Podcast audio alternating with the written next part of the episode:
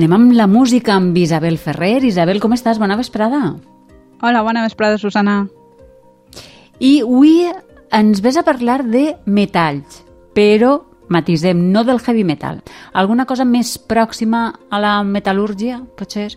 Sí, sí, estem més prop de la metal·lúrgia perquè avui parlarem dels instruments de vent metall, però m'apunta la idea mm -hmm. del heavy metal. Avui per ara ens quedem amb els instruments de metall, que són més nostrats, com demostra el, el recent Premi Nacional de Cultura en la modalitat d'interpretació que han rebut els Spanish Brass, que és un dels quintets de metall més reconeguts en, en el món.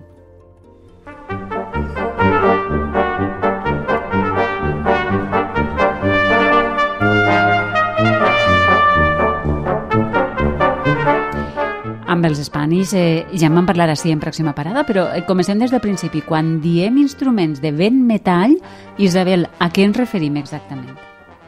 Els instruments de metall, de forma general, són aquells que estan construïts amb este material, però no només això, ja que hi ha instruments de, de, de metall també, com el saxòfon, que no es consideren de vent metall perquè per fer-lo sonar eh, inclouen un sistema que inclou fusta. De vent metall específicament són aquells que per fer-lo sonar utilitzen una cosa que s'anomena broquet, en castellà boquilla, que igual és més, més que vos sona més, on l'instrumentista mm -hmm. posa els llavis i els fa vibrar.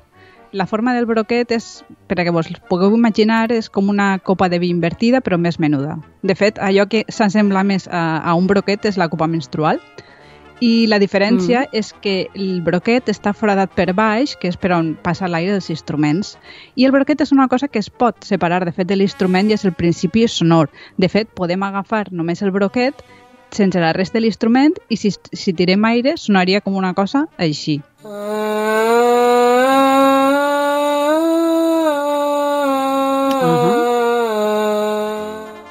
I si ah, això... Li, li, molt bé. Sí, sí, que sona així. Si això li col·loques a l'instrument, en aquest cas a la trompa, que això és un broquet de trompa, eh, la trompa és l'instrument d'este circular que apareix en els símbols de correus, la cosa ja canvia i sonaria d'esta forma.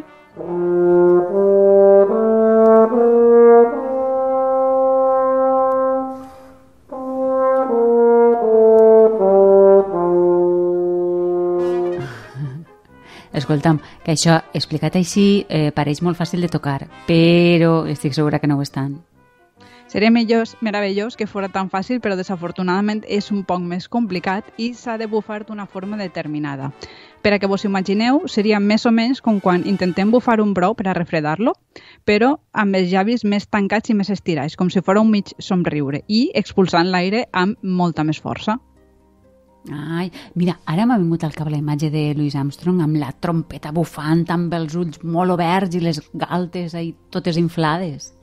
Sí, bé, és, tot i que hi ha diferents estils de tocar un instrument de metall, normalment no inflem les galtes d'esta manera que imaginem, eh? a Louis Armstrong, amb, amb, com que seria com amb la boca plena d'aigua. Això és un poc una caricatura, sí. com una representació que, que es fan els dibuixos animats per a, per a saber esta idea, no?, de tirar aire fort.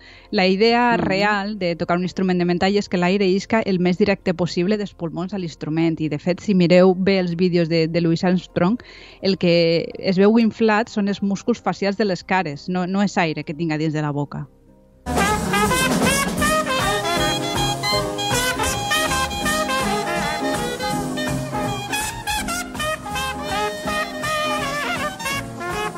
I seria el so de la trompeta, no?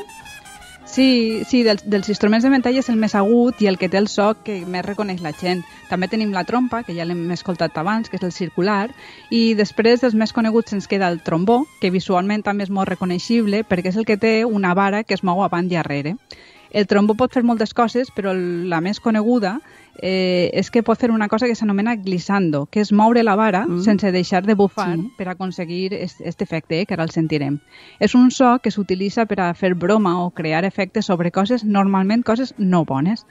A la gent que seguiu l'actualitat dels videojocs segur que vos sonarà molt això que va sonar, que és efectivament un glissando de trombó.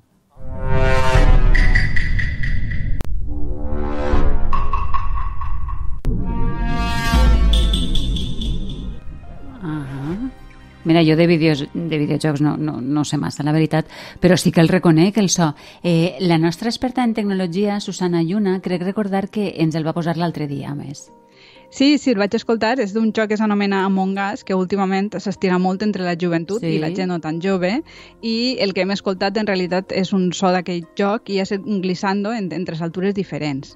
I ja per acabar este recorregut ràpid sobre els instruments de metall tenim la tuba, que és aquell instrument gegant que veiem en els passacarres de les bandes, mm -hmm. que té una campana cap amunt i que és enorme i que bueno, sona d'esta manera que segur que també el reconeixereu. instruments,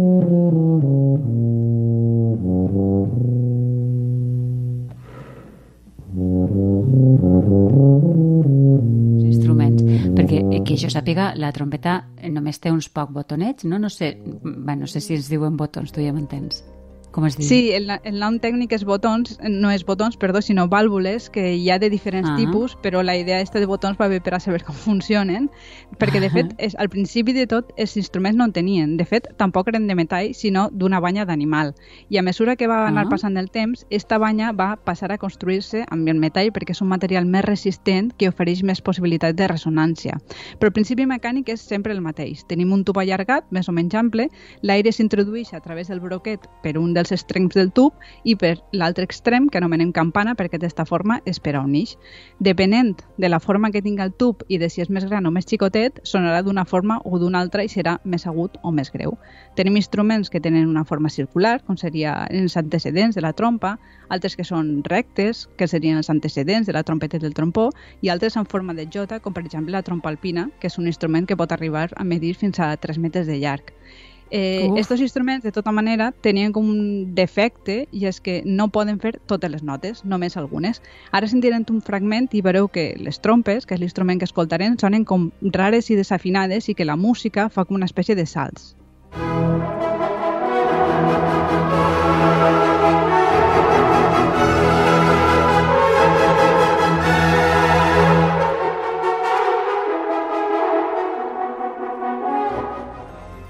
Les notes estes que sonen, mm. sonen com estranyes perquè la trompa no, no pot fer-les totes. Aleshores, els, els instrumentistes perdó, feien com trampes amb els llavis per a intentar fer allò que el compositor havia escrit.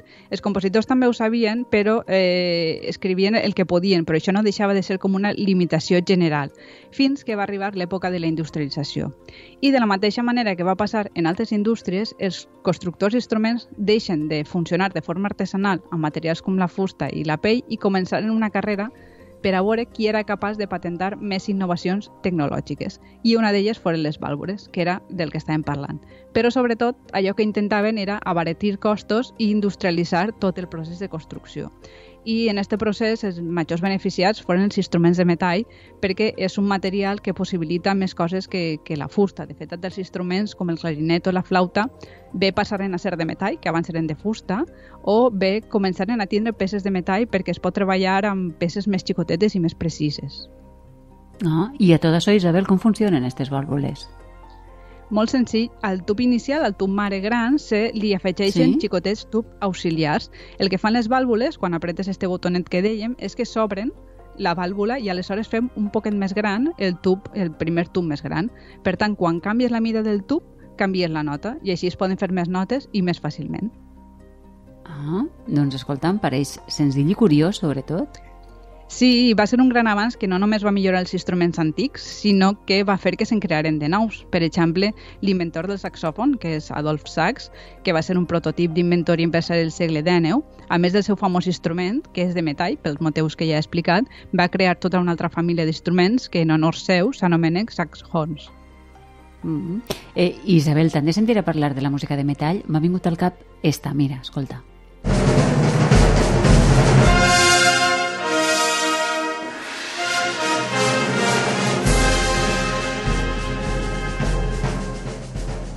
I clar, eh, eh, la pregunta és, els valencians tenim una relació especial amb aquests instruments?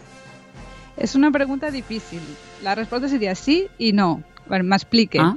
Els, els instruments de metall, per la seva forma, són instruments molt potents. Això ha fet que durant anys servisquen per a comunicar coses. Per exemple, el cor que apareix al símbol de correus és perquè eh, amb ell anunciaven l'arribada de, del carter.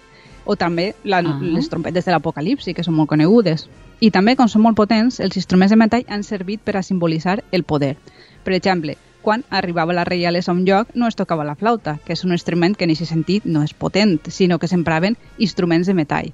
De fet, totes les ciutats tenien els seus trompeters, que eren com una espècie de funcionaris. I ara veureu que ràpidament reconeixereu quina és, quina és la música que tocaven els trompeters de la ciutat de València, pel que sabem fins ara.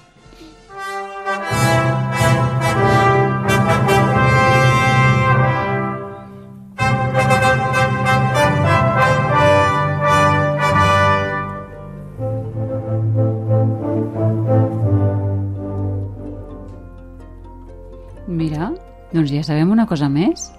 Sí, aquesta és la, música que s'identificava a la ciutat i a aquest tema de representació del poder cal afegir-ne un altre. Com he explicat, quan arribem a la revolució industrial i a les fàbriques, la industrialització fa que de sobte es multiplica la capacitat de fer instruments perquè n'economitza els costos.